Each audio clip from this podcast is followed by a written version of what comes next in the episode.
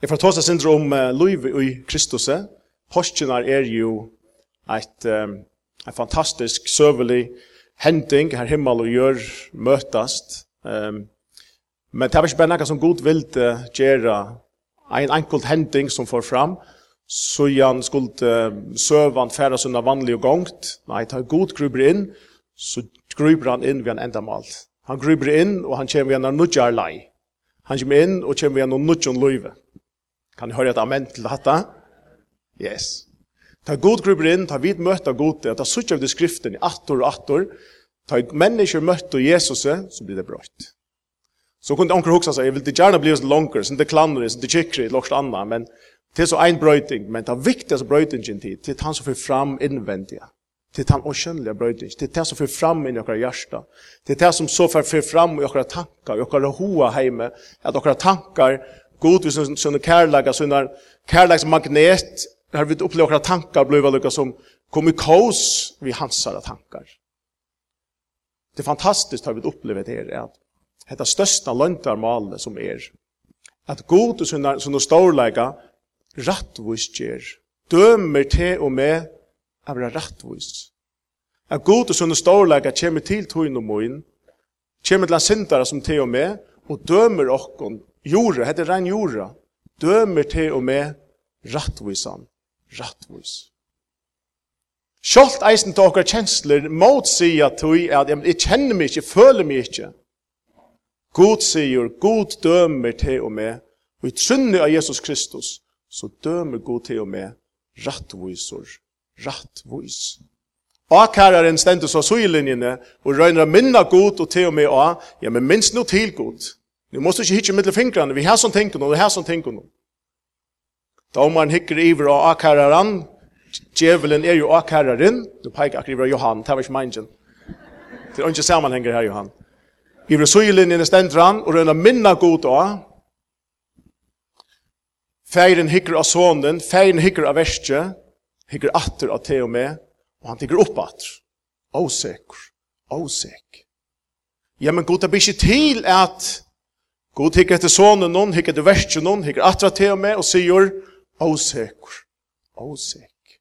Største undretid, største mysterier, største lantardomer, og, og, og, og, til i universet noen. Skapar verset fantastisk størst, men hette er god rattvistjer et sintot menneske. Det er god møter opp ein der i tøynen og møyne og løyve, og brøyter okkar grunnleggjande natur fra å være en sint av naturen, til å bli en rettvises natur. Fra at vi ber på neka som skiler oss borste fra gode, til at det er ikke som skiler oss borste fra gode. Wow, ass. Og jeg anker, kan det bli, vi kunne bli glad til av oss at høyer, og hette det tørspunkt her som man virkelig kan gledast. Jeg minns ennå for vi har vært fotballstist forrige spalte, jeg vet ikke om det er så populært at det var som først skal løtene, Men så skår jeg første landslig, halda mot Italia, 8-6 ble det. Og det er ikke noe gledast om, men det er førre skåret, for alt opp å hoppa, og her står man og hoppa, ja. Og så venter man seg til høyre, og er med høyre som slett ikke kjente, og knappt står vidt og holdt fremd og står hoppa. Og i fela, og i takt, for man hopper i takt. Så her står han vidt og hoppa sammen, bare, og så noe som tar romeren vi at letja seg, og vi liksom blir å dempe okkom, og kommer nye seg i hjørn, og blir hitch på hverandre, nå blir det ordentlig blå flowesligt att för det är jag stäck klemma en främmande mann. Det er liksom ikke akkurat det meste man man liksom som men det är några ting som färdig och fra. Det er nøkker ting som bare ferdig til å suttje de store myndene, som ferdig suttje enda mal vi løyven noen, som ferdig til å suttje at dette tøyer leser. Og nekka som verlig gjør det glede. Og det er nek fantastisk ting her løyven noen, vi kan oppleve som gjør kon glede. Men det er alt som gjør at okra liv kommer ut tra vi tar enda mal gode skapa går vi til til næta som fer okra liv lyga mykje hva som hender og okkon og rundan om okkon Hette her er god rattvustjer et sintot menneske. A god tekra menneske som er fattle borster ur hans plane og tekra og fører det inn og i sutt underfodla ryk. Jorda tid, ikkje kjensler, jorda. Paragraf 8 Det er god rattvistjer i vikommande våren rattvistjørtur, punktum. Og alt det som man lyser jorda til skilja hatt betre enn vi dommer. Paragraf 2. Ongen kan reversera Guds rattvistjering. Er vi? Guds jorda tid. Det er det vi tås om. Og så kan okra kjensler, så er snar, være opp og nyer. Men hans versk er omgang til som så, opp og liv. Det er fast til evig tog. Ta man så byrja finne det av hvor god er, og hver og en sjølvor er, så er den den troa ferien hun byrjar. Og til en øyelig ommøblering som fyrir fram. Man blir rett for kjørtur av livande god. Man blir rett for kjørtur av honom som hever fra, opp, fra opphavet, eller fra evnen og til evner, onga byrjan, onga enda. Så börjar man at, at læra god å kjenne så börjar man att lära sig själva att känna. Henta troar färd. Fantastiskt. Och i Jesu färden är det henta stora ommöbleringen och i okra tankar för fram. Största ommöbleringen är akkurat det. Att okra goa tankar, okra ganska ringo tankar, okra skaiva tankar, okra rymliga ratt och tankar, alajene bröjtast och bröjtast och bröjtast. Og vi blir vi får meir og meir rum för Guds tanko. Gud vikkar okkara man kan säga anda eller okkara rum invändiga. God vickar okkara tanka plås till att roma hans väldiga tankon. Om hver han är och om hver vit är. Så det är så man har att, att, att, att, att bjöa av. Tåret du? Tåret, alltså bötnen det var, för jag äckja dig lukar som, ja, ta tåret! Tåret du att huxa Guds tankar? Om Gud? Vi kan si, ja, han er storur, han er avgjur, han er rattvise, han er heilaleikje, han er skaparen, han er domaren, han er min elska i feir, og så videre. Men tåret du at hugsa Guds tankar om te? Tåret du at, at teka til tun Guds tankar om te? Det er god sier om te. Forboi jantelov. Forboi at Jeg er føtter i rabarbekvarteren og mittlen mimer og kakkan, altså, jeg personlig, skil du ikke heng for du erst, Tek det nu samma, du er av tog att, og tog blå, og, og teg, det er her sens veikleikene som er pjøy, og her sens kanskje nekka styrkjer. skil du ikke for du erst det igjen? Jo, det er ikke. Jeg skiljer hver jeg kom i av. Men, samstundes, så er det eisne nekka som pappa sier om meg. Vi føying er nekka hent. Vi må nær andlige føying er nekka nutt. Kom inn.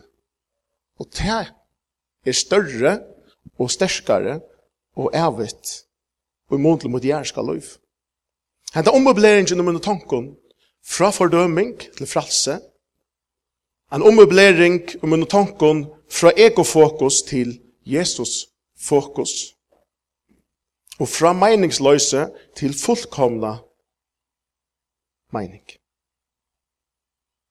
Ta jeg så byrja jeg at Vitla kom til trygg som, som unge medover, unge dronker, så vaksen sin hette innskjøp eisen at god, jeg, jeg vil tjene til her. God, jeg vil liva for til. Og til å være bønner til sikkert de fleste av oss, at god, jeg vil gjerne leve for til. Men så er evangeliet så fantastisk tid at evangeliet kommer i kærleika og ommøblerer pent okra tankar og okra hoksnar hotter brøytest Alltså Paulus i Rombrand och nästan, ja. Bröjtes du sinne tickar och så vidare. Metanoia. Omvending, mest det. Men omvendingen ofta i Kristus, hon för fram, inte till att jag så gärna vill, inte till att jag är kommit till att stöja här som nu god ska troppa upp, här som jag nu har förtjänt att god bröjter. Nej, det bröjtes så lojant. Det bröjtes til han er kommet, han er kommet inn i min heim. Og vi har sånn at leva for god, Så tar man ser djupt inn i evangeliet, så ser man at, at Gud sier, ja, men hvis du lär att leva er mer, så kommer du eist att leva fire med. Og min personlig vittnesbord kan være at, at jeg vil menge rundt at leva fire god, Vi kan ska partvis till urslite till jag är inte blanding. Kan man uppleva att gå och och och kanske minne gå. Men tar tar tog ju när det var fokus på mig och inte mäkna och det leva för gott. Så enda jeg kanskje innan fordøming, helt med attor, men så tar det ikke godt, så var det lukket som jeg som ble sett av breddan. Og hugsa husker at det må være nekka meir enn hatta. Jeg er på en måte tids da skaiva rettjefylg. At god, la meg leva fyrt til, så skal det nok komme å liva av til.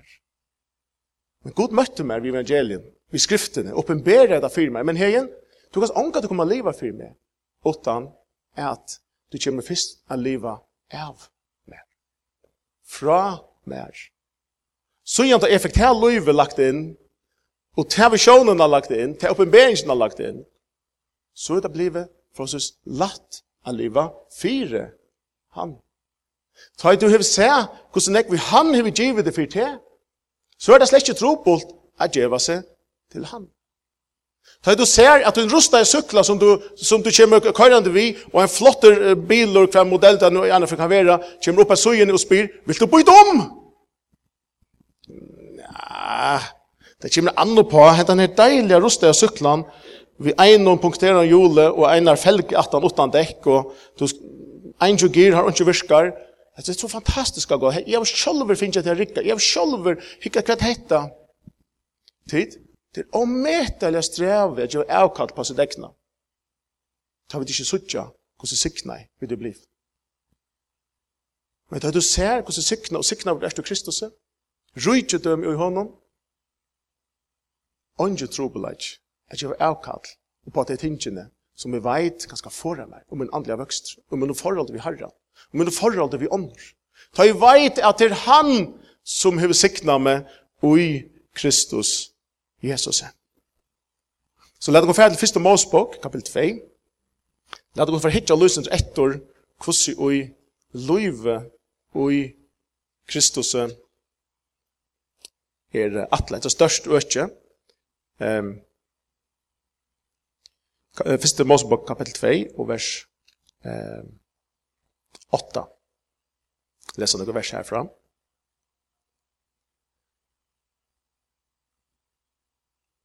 Det fantastiska løyve som Gud har vår atla kom til. Kapitel 8, första på 2. Så igjen planta er Gud Herren orstakarn i eten, ut i Estre, och här setter jag människa som han hei mynda.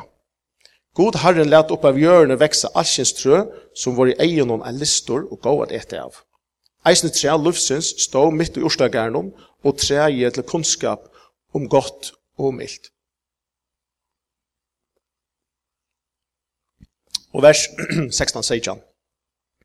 God herren gav Adam hetta bo, to hever løyvet et av ødlund trøvun jordstakar, utan av trænun til kunnskap om godt og ilt. Av tui måst du ikkje eta. Tan der du eter av tui, skal du vissulia dodja. Så god er en syndafadle, plan, han, syndafadle er ikke, komme, er ikke hent her, han plantar Adam og Evo i, i Etas hava, eh, og de leva fullkomliga 100% av gode. Det er ikke en gang til vi deg om. Det er ikke en gang til som heter Jo, skal vi få leva for god. Leva for god? Hva mener du vi? Her er Adam eller Eva svære. Leva for god? Ja, du vet, ordentlig heiligasta. Ordentlig heiligasta. Heiligasta. For god? Altså, what else? Hva annet er her? De var 100% tilvidde om god, om sin feir, og ikke anna. Til nøkker ting til vi teka som giv. Er det nekka ting som vakna morgon og måtte minna seg av å være førengård i et la? Er det nekka, det er ikke? Vi, vi teka det for giv. Kjannait? Vi teka det for giv. Er førengård? Hm, hm. Tror du at et la danskar, et la ansmær, et la okstanna? Vi tis nekka, vi tis nekka vi minna okkon sjolve. Åh, ta liggur ui okkon, ta liggur ui okkon, ta kjemur innanifra. Religionen kommer utanifra, mynd i år, minst nu til, ikkje gløyma, er du vi? Hallo? Mynd i år, men kvært er det som skulle komme innanfra. God er alt du vilja, at løyve kjemur innanfra. Inskje kjemur innanfra. Drøymen kjemur innanfra. Adam og Eva bor på goddommeliga naturen och var bära tillvidare om han. Adam var vår bäst under tamen himma skulle lov honom. God var allt i ödlån och tar eviga liv var naturligt. Hva fink det eviga liv ifrån? Jo, det är åter åter träna som det kunde äta. Det är åter av livsens träg. Det är livsens träg som vi såg åter upp i jögna skrifterna och ändar i uppenbäringarna. Det ständer att det träg ber frukt tölv för de är. Det treet var det som vært herre er av jeg liv. Vi skal om atter lette treet man har løtt. Men dette treet er så omettelig av tøtninger mitt, så det er høtt og ikke liv sammen vi gode, åttan livsens tre. Det var ui, det er frukten om at her evige liv la. Det var Guds skaparverk. Det var god sjølvor. Guds liv hev trygg vi på en eller annen måte, li ui hesten her livsens treg. Jo, men hei, du veit at syndafallet kom, og det blir ærtskilt fra gode. Det blir sendt ut ur etnens hava, og englavakt ble sett for ikke å komme inn atter. Til rett. Men tid her som tassar ut til at god teper en kamp. Han kommer størst atter. Han kommer størst atter, han gløymer ångan til sin atlan av. Han gløymer ångan til sin atlan av og sier, ok, hatt i ordan, vi velger en ære atlan. Nei, God er en atlan om at enda reisa sin opprunalige atlan. Sin opprunalige tekning atlanen skulde enda reisast for ein og kvann prus. Porsjonar som er komna nu reisne er dømme om det. Fullkommen leidjen vær støy til Adam og Eva. Det var, det var ikke feiler. Det var ikke god som hukte etter sin skapning og sier, hikk alle feilene, kom nu i gongt, kom nu i gongt, vi har repareret det, nå måste du betra det. Adam Eva så og bæra som elskar jeg ferie, det skapar versk han er gjørst. Og Gud sa til som sitt fullkomna avkom. Han ville være bøtten, han ville være familie. Og så bøtten skulle ikke bare være bøtten, det skulle være bøtten som mynte han om seg sjølva. Skjønner jeg? Nu har vi jeg sinter størst høtt, det vet jeg. Og Rona får lagt nan, man skal videre fem bøtten, Så man er lagt ned av, og en ferdig for Jonas så vi, vi en, en sån i tjokken, lagt ned og Og så, så får lagt ned mat og liksom rundt om høttet og liksom målt i amfitreat. Hmm, suspicious. Og så liksom rønte jeg litt opp til at uh, hetta var kanskje ui sånne eko centimeter på en penna mata. Så Rona, Rona var så ikke ut til å bekymre oss særlig. Så jeg kunne bare lagt ned og sige, han hadde i orden, du skulle se pappa.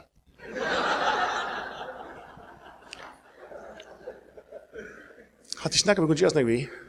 Men mamma har alltid fortalt meg at det er godt innanfyr. Så til til hjalt øyla nek, til så sjala røktar, mantra kommer. Jeg kom lojtjist så noen opprunna tid. Bare som tanken. Høyt vi bare fengt handa tanken. Altså, og elt. Tog alle Guds handlagar er en brunnor, det er ikke bare en setningur, jeg då jeg sier det, det er ikke her vi der. Oppenbering tid, du gos rujtje, til brunnar, og brunnar, og brunnar. Vi kan dreie ur, dreie ur, dreie ur. For meg personlig, det er en så fantastisk hjelp, at bare dreie ur hesson. kommer lujtjest, som en opprunn.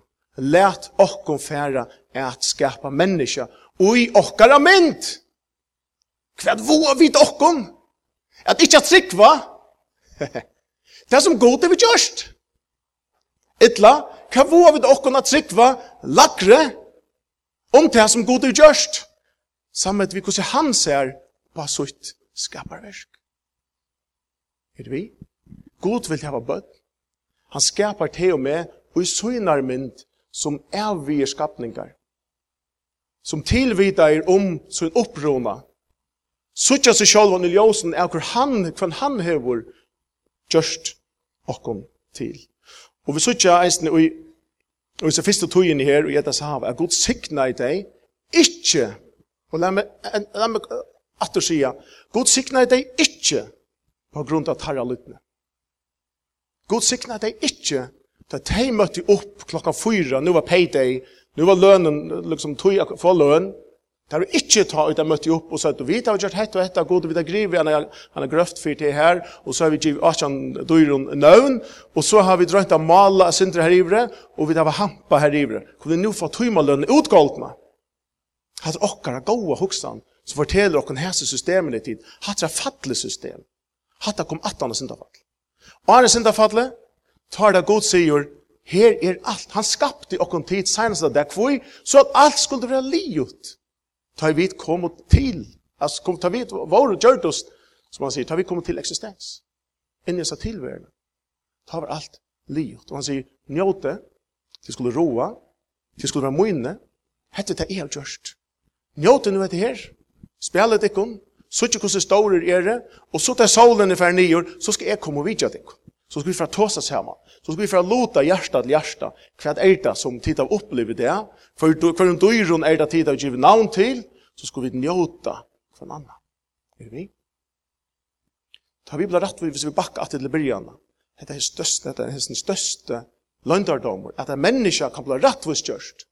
Ta vi så koma og byrja på hans troar ferierna sammen vi gode, så er det kjøtt at vi takkar vi okkon, gåan, logiskan eh, sans og hoksan, inn av hese troarferina, og vi byrja at hoksa okkara forhold vi pappa, og i logiskon termon, og i gåon, ja, silion logiskon termon, her, god, her vi møtt opp, god, nu har vi grive hål for til det. God, nu har vi virkelig gjort det aller beste som vi kan. God, nu har vi mala eisne hatta for til. Nu borde du god møtt opp. Nu borde du svære mer. Skaft. Han møter ikke opp dit, og på akkurat kommando. Skapar fyrir veldig gjort. og så skapar han okkon. Kvoi ta! Du, han det vise sin allmakt. Han vildi vise sin kreativitet. Han vildi vise sin skaparkraft. Han vildi vise sitt forsyrkjelse i okkon, at det var han som skulle syrkja for okkon, og ikke vi som skulle skaffa føye til han. Det er måneder av tid. Det er som å leve kristen liv, og til undertitlen jammer. Fra kristen liv til Kristus. Altså liv i Kristus. Fra kristen liv til Kristus liv. God sikna i sin skapning, ikke ut fra at vi var lojen. Ja, er det, er det godt å være lojen? Absolutt. Men det er ikke det som utløste god sikninger. Det er våre her ui skaparvist, ui fellesskapen.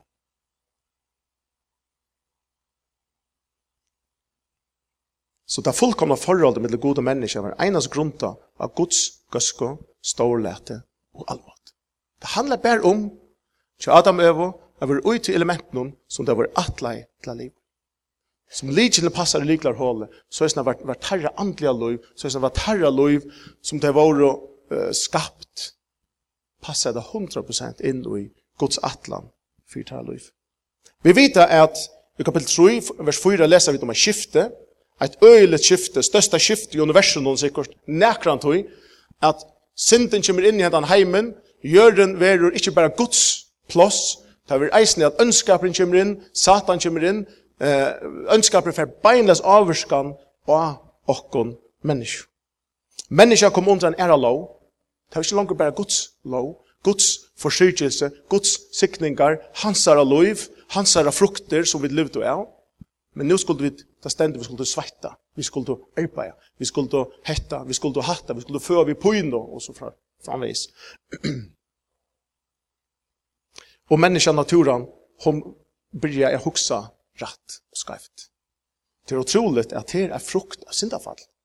Og jeg menar det, at, at, at att jag vill om rätt og skreft. Er frukt av syndafall. Det mest jo Adam og Eva var inte någon tillvida om rätt og skreft. jeg er det samme. Det er jo ordentlig og kristelig, spørs du meg. Det er så kristelig at vi har tilvidet om hva det er rett og hva det er skreft. Men de visste ikke engang hva det var rett og skreft. De visste bare at de måtte ikke ete av en treg. Det var rett for skreft. Resten var et liv av gode og et liv til god. Og fullkomne harmoni. Det var forbannelse faktisk at det skulle nå være tilvidet om hva var rett og skreft. God vil det være opprunnet til tar liv. God vil det være enda malet til tar liv. Han vil det ikke bare være parskeret ved jasugene og bli trekt og fram av og ha, og mot til ta gåa. Nei, han vil det være alt tar liv. Hette var mildt sagt en, for, en fortapt og tilstand og i synd og, og deie. Hessa lovene og i menneskene var kommet om til at træla, at tralka, om til gjøre skulle ikke gjøre avgrøy utan svetta, kvinna skulle ikke eie utan pyne og så framvis. Men tid, god greip inn. God kom inn og jokkara ver atter. Ikke bare på avstand, her som man kastar ein et land i rom, og røyne nu og, og klarer det kun, anna pappa ikke vi ein lørum, røyne nu iverlivet, ein meilor, og røyne nu færre akkur konferanse og livet, nei. Det som er kjenner hos versk, det er det som han gjør, Det vil han gjøre 100%. Ikke blant opp i noen annan. Tog var han ikke skapet okkur av det, og fikk med og hans og ære blanda seg på i og sier, nei god, jeg halte fjallet skal være annerledes, jeg halte græset skal være synd grønnere. nei god, jeg halte skutjene vår skal være synd grønere, synd gråere, jeg halte hatt skal være god, nei, jeg skal god. Alt forstrever jeg god det. At for okkon a blanda seg på i, og så skulle det standa som iveskrift, 1% gods versk, 20% mannaversk. Wow! Fantastiskt! Han, by the way, hadde lagt mest til, så hadde bytje prosjekter, så hadde selmer tekna omkring hus, eller omkring bygninger, så for han ikke sett på også andre arkitektakontor, under eller eller en timbermeister bygger og omvæling, så stender ikke et, en annen navn enn øren timbermeister at det bygningen om det der bytja. Det tar tarra navn der reipa vi. Har vi skilt alle rett i han? Ja. Hatt om en teologi. Det er han som bytjer tid, som hongur så kjelte og verste. Kvoi? Tui han som, som stendra kjelten er han som fer ærna. Og tid god er så ære kærer, da stendra han lotar ikkje sånn ære vi nekra. Ta mest til at god vil nøyt til å gjøre alt verste. Han vil nøyt til å bjerke okkon, ur okkara sint, han vil nøyt til å rettvus gjøre okkon, han vil nøyt til å heila gjøre okkon, og han vil nøyt til å endorløys okkon enn det. Ur ut ur hesson heim. Men underveis og hese er tilgångtene, tja hese nir nøy frelsta, hese nir som er blir rattvustgjördur, så får man hoksa meira, kanska 50-50. God, hvis jeg gjør hatta, kan du så gjør hetta god. Og god, hvis du gjør hatta, så kan jeg kanska gjør hatta. Så kanska nøy fram av mal. Og tar man så etnast, tar jeg vant til fyrir, at man vil ha sitt navn, opp og hentan her vekken, som, som er tutt og mot loiv. Jeg, er har eisen gjort sint. Og tar man missa et ja, tar tog man slett ikke vi, så grev man seg nyr. Er vi? Er det nægar andre som er kjent på handamaten? Er det bare jeg? Fyre ånder, takk.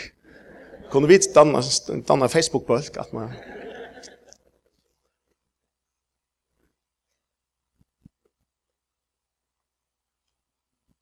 Guds verktid er så omfattande, er så størst, det er så størst, og det er så ærekast, at han ikke blir omgang til å sette tøyt om mitt navn, eller under.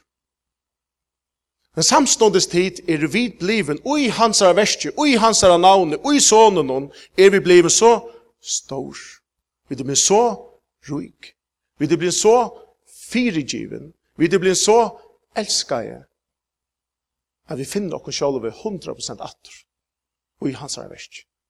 Det var ångan til nækka tid, det var ångan til menneska som teker måter god, teker moter Kristus, som er skuffa av god, Du er alt for fatak, du er alt for lydelaten, du er alt for lyd, hette er, hette blir slett mal. Han som ser Jesus Kristus, kan omgang til i standa i moter. Hendan er lov syndarinnar, hendan er lov deians, som vi som manna at kom under i syndafallen. Det er vært han store trobelagjen. Vi var som er propper i haven, vi kunne, vi, vi kunne ikke bjerke oss selv. Vi var fullkomliga leten i vår til arvasintina. Vi var fenga i, bunden i sintina. Så det er god huksar, nu fikk jeg en nutja pakt, en endalja pakt, en senasta pakt, sottmala, vi må skaparversk, for jeg bjerga det attor. Her teg, ikkje av verskun, men vi trygg eina, skulle komme og komme attor til moin, for lot om min rattvise og min opprånalige atlan så också god så vi är nöjda till att täcka trobolagen. Här är väljan er. Vi får inte bara bygga några byggningar, få folk in, att synja några sanger, och onker ska stanna och blabba här uppe i 3-4 minuter, och så får det vana det bästa. Nej. Vi vill med till Rombrave, kapitel 8 tid, vi stida möjliga eller lusta. Rombrave kapitel 8, här ständer. Så nu är etter, nu är det post, posture, verset är Eh, Jesus har røpt til fullgjørst, og så sier, uh, skriver Paulus her, at så er noe ønske fordøming for deg, som er kristne Jesus i ero, så, så skriver han kvoi, tui, lov lufsens anta, hevor ui Kristus Jesus, løst med fra lov sindarinnar og deians. Det som loven ikke var ment a gjøre, vi tatt om å av holdt noen, det gjør det jo godt. Det vil si at det er krefter, det er notter og lover, det er andlige lover som vi som mann at kommer under etter syndafallet, det er tog god en av bildbukt vi. Yes. Så sier han, ja, sier han, han er av krossen noen, vi sier han, vi sier han uttrykt han av krossen noen, og i tog inn i attene, men det er ikke her og god bryr jeg tanka. God sa langt krossen, ta i mannen at det fatter synd. God sa langt at jeg kommer nok til offra nægge her. her hette kommer å kosta meg alt. Og mot dyra bærasta. Men jeg skal gjøre, jeg kommer til å gjøre hatta, tog at jeg kommer eina for for atlar, at gjøre båt fire til som er lagt mot skaparversk. Og det skal omgang til å komme atter, at det skal være tørver av, at gjøre et nytt versk. Er det vi? Ta er god hukser disse tankene her, så må det være øyeligere Ta god huxar, if jag brukar en chans, if jag brukar if jag tar en möjlighet at säga, if jag at att äntligen försäkla mina attlan, nu kommer jag til det gärna gattor som skal lukka som röna bjärka og hetta vi ena för för attlar. Og tid, titta värsk. Og blir görst.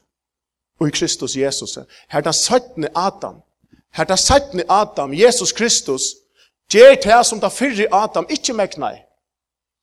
Det som da fyrre Adam ikkje mekna i, og i til eina hava noen etens hava, det måtte den seitne i Adam teka opp og noen øron hava. Er vi? Det som den fyrre Adam ikke mekna i bæra, det skulle den seitne i Adam mekna. Mynden som falltid ut i fyrre Adam, den evige mynden som god er lagt ned i Adam over, hon fall ut i fyrre Adam. Men tid, Hon ble endurreist ut i seitna. Det er vi løyve som fall og som ble borstor i mannen 18 ut i fyrre Adame, det ble endurreist ut i seitna Adam. Ikke bare vi at fader er skilte her det stender kristen, det var ikke vi til å gjøre. Vi fyrer ikke engang å kalle oss kristen. til en titel som vantryggvande, som heitningene går ut av fyrst og kristne.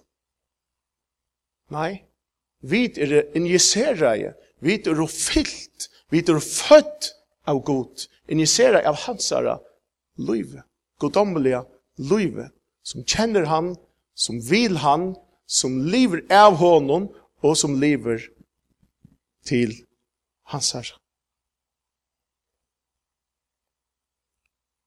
Og jeg tror vi at, at, at djevelen, djevelen satan, har ikke ordentlig forsteget det som er fremme av krossen. Han har ikke forsteget, tror vi ordentlig, at Jesus var den sett i Adam, ikke for verst i livet.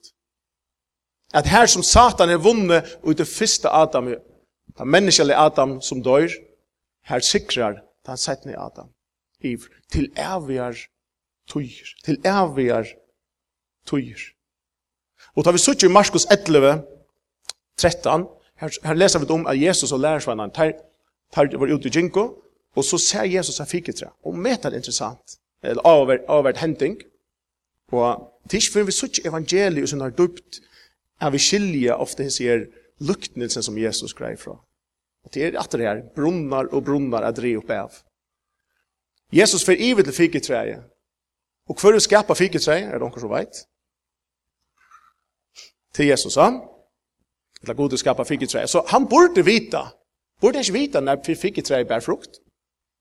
Altså bare så har han litt skeptisk spurninger. Og så får han ivet til fiketreie, og så hikker han etter fiketreie, og så sier han, Åh, oh, det var irriterande tid, da. För det tid, lärsvannen kom kommer att han var och tar undras livet kanske vad Jesus säger, men Jesus var ordentligt frustrerad över att här ikke frukt och så fick det fram. Hm. Ordentligt ontrant. Men borde inte vita det. Han är ju god självor. Han borde vita när för fika växer ut av sin tränare här. Det hever han vite. Okej, ergo, det var et annet poäng hur Jesus ville säga. Och det stender eisene i Markus 13, 11, att lærersvennerne hørte hva han sier. Det stod ikke at det skilte hva han sier. Ta kunde nok ikke skilja det for en tøyen var fullbyggven vid Golgata, vid krossen, og at verset var endelig gjørst. Hva er det Jesus sier? Han sier, han banna i fiketre. Han sier, du skal aldri noe i æverne bæra frukt.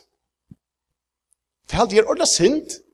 Et fitt fiketre, som er strutt seg opp og stendt her, og, og lykkes som, hever krossen noe blø ut seg, og ikkje mekna nekra fitta fiker, så er vel åndsant at Jesus kommer forbi, og ikkje kan hjelpa tog, enn som han hjelptes nekkon øre.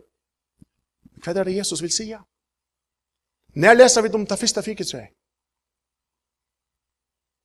Vi leser om det første fiketreet at han syndafall.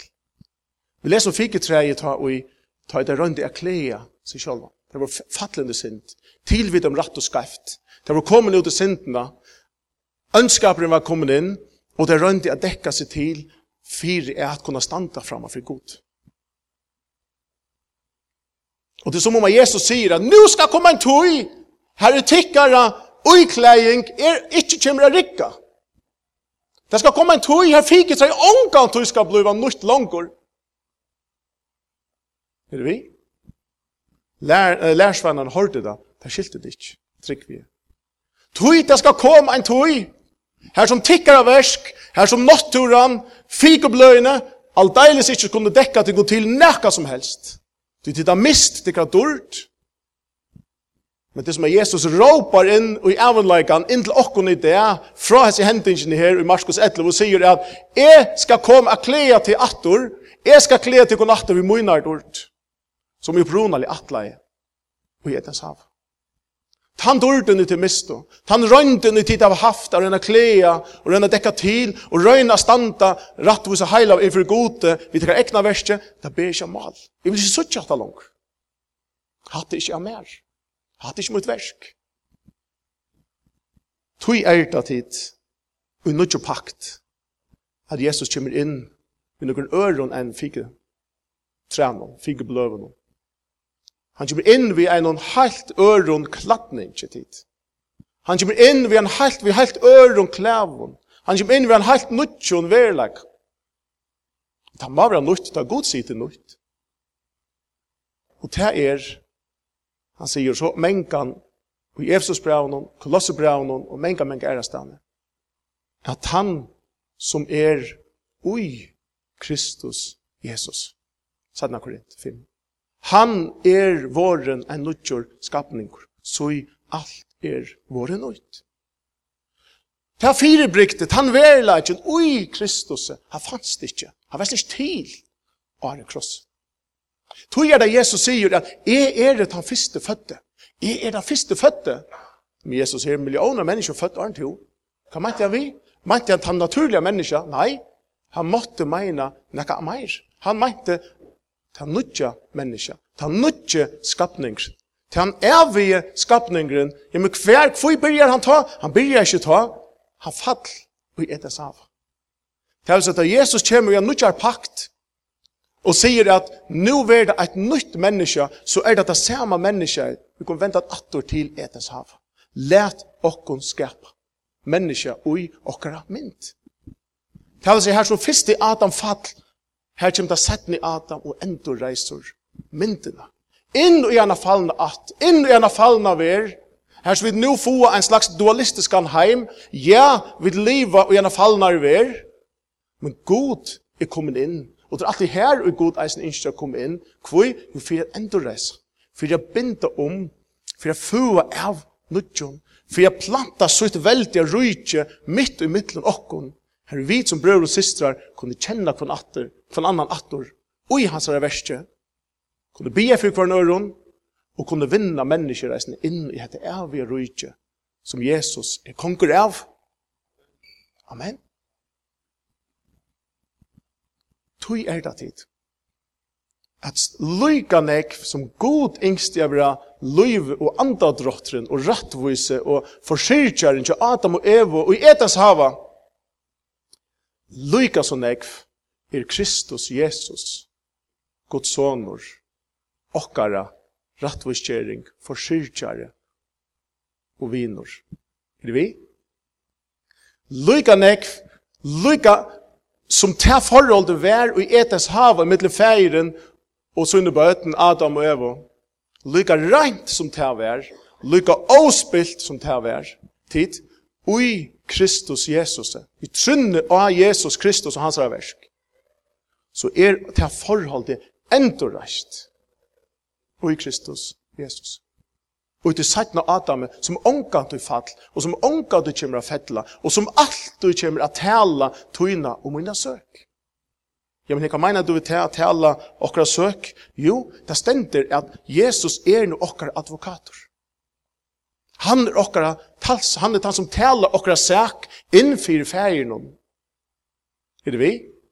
Ta i akæraren røyna kom inn fra søyene og akæra hetta og hatta og hetta det som vi borto og ikkje borto og det her bordisman her, her fettla vi til korst vi kom og stått og i okkur sjálf men hver gjer god som har rett for sitt domare han kan ikkje ikkje bare mittel fingrene og han hikra sonen ser verste, ser hvordan setten i Adam endur reiser opprona dreimen til gode, og så ser han verste, og så hykker han til, og han hykker han med. Han kan tid, han kan ikke anna enn sier tommel opp. Han kan ikke anna enn å sier, mot elsker jeg bad. Han kan ikke anna enn sier, ånden synd. Wow. Ånden synd. Ja, men helt ærlig god, du må være helt i ørvide. Han hikra sonen, hikker av verset, og ser til og med, ui, Kristus, Jesus.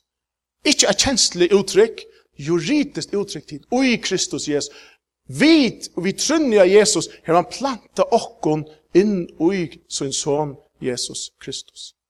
Øle banslig mynd er, hvordan er vi her av Fløy til Danmarskar? Ok, ordla, ordla fri mået. Hvordan er vi her av fløyd lammarskar? Ok, yes. Egentlig har ungen hatt ikke fløyd lammarskar. Ok. Det var faktisk tidsettet ikkun inn og jeg deilig flåsetor. Og det kanskje tok og en pinne av søgene, og så forsetter seg at det er og så fikk det servera alt som skal ha mæt. Det var det fyrir og tilføren. Og så var det et flåfer som flei tikkun til Danmarskar. Og tid kanskje sauna underveis, det visste ikke jeg hva det var i luftene. Og da tid låt en oppater, så var det i Ørland. Og i Danmark, er det vi?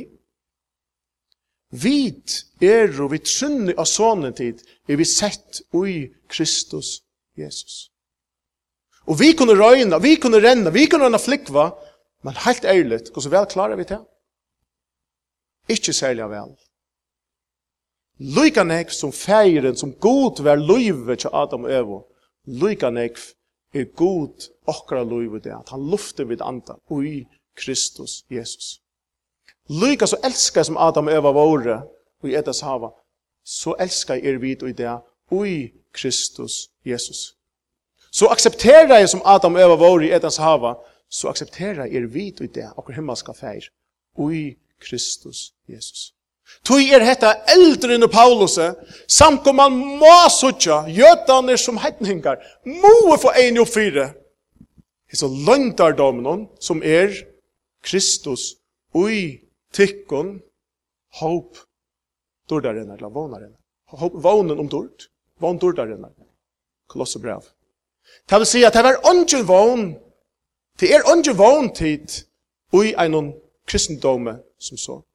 Til ånden vogn, og i tog som vit mekna a sette på beinene, fire god. Vogn er einans og i Kristus Jesus. Og til verste som god har vi gjørst, og god har vi avgjørst, sen hebrean noen 1-1, at alt Guds versk, god har god talar, alt Guds versk er og i Kristus Jesus. Det var forun stendet da i Hebrevan 1.1, og han kan hatt av god tale vid profeten om, underhaldande, jeg vil de yngste sin Maria Svave langstendig, og røyk og, og alt det her showet, det brøyter han ikke. Det brøyter langt enn han ikke. Men det sender nu hever god tala vi sonen, vi Kristus Jesus. Tui er det at vi leser skriftene tid, Guds år, og i ljøse av versen, og i ljøse av Jesus Kristus. Tui er det vi kunne møte avlåpene fra henne enda, vi kvarjon, okkar ekna disipline, det er godt av disiplin, det er heldre ikke måte de enda, vi er noen navne, som er giv i okkon, som er Jesus Kristus. Ta i akkærer en akkærer, så møter vi honom, ikke i ekna kraft, men ui Kristus Jesus. Er det vi? Samkommen Efesos har bruk for virkelig å bli oppmuntra. Du skal ikke finne en av det brevet nå, Men legg til merkes til å lese Efesus brev. Og i kapittel 8, 11 fer. Ui i Kristus. Ui i Ui Og i i Kristus. 11 ferner. Og så har Paulus ikke tatt nok. Kapitel 2, 11 ferner. Og i Kristus. Og i hånden har vi god nå. Tui at, da visste jo at jødadomer og så noen besta fasonje, og så noen størsta disipline, mekna ikkje er rattvist gjør menneskene. Mekna ikke at heila gjør okkon mennesker. Ta måtte endurreisast, henta mynden måtte endurreisast. Tan, tan fyrri Adam måtte avløysast, er han og setna Adam. Ta kunne bæra gjerast, vi er god sjolvor kom, blev menneska, tjekk inn og i rollen at du fyrre Adam, døye, men reis opp ator.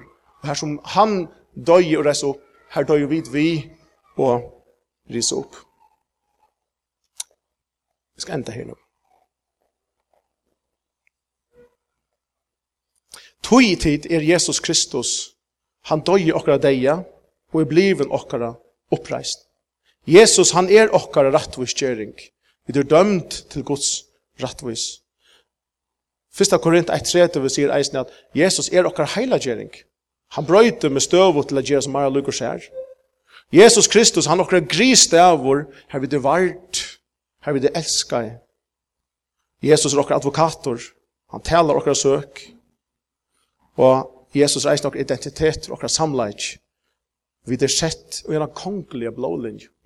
Etta jo er bare for ekvislitt, og eisen i fyrjon, vi skulle ikke halta, men tid, let okkar halta, let okkar tåre at trykva, let okkar tåre at hekka motor, så som Gud sier om te og om meg.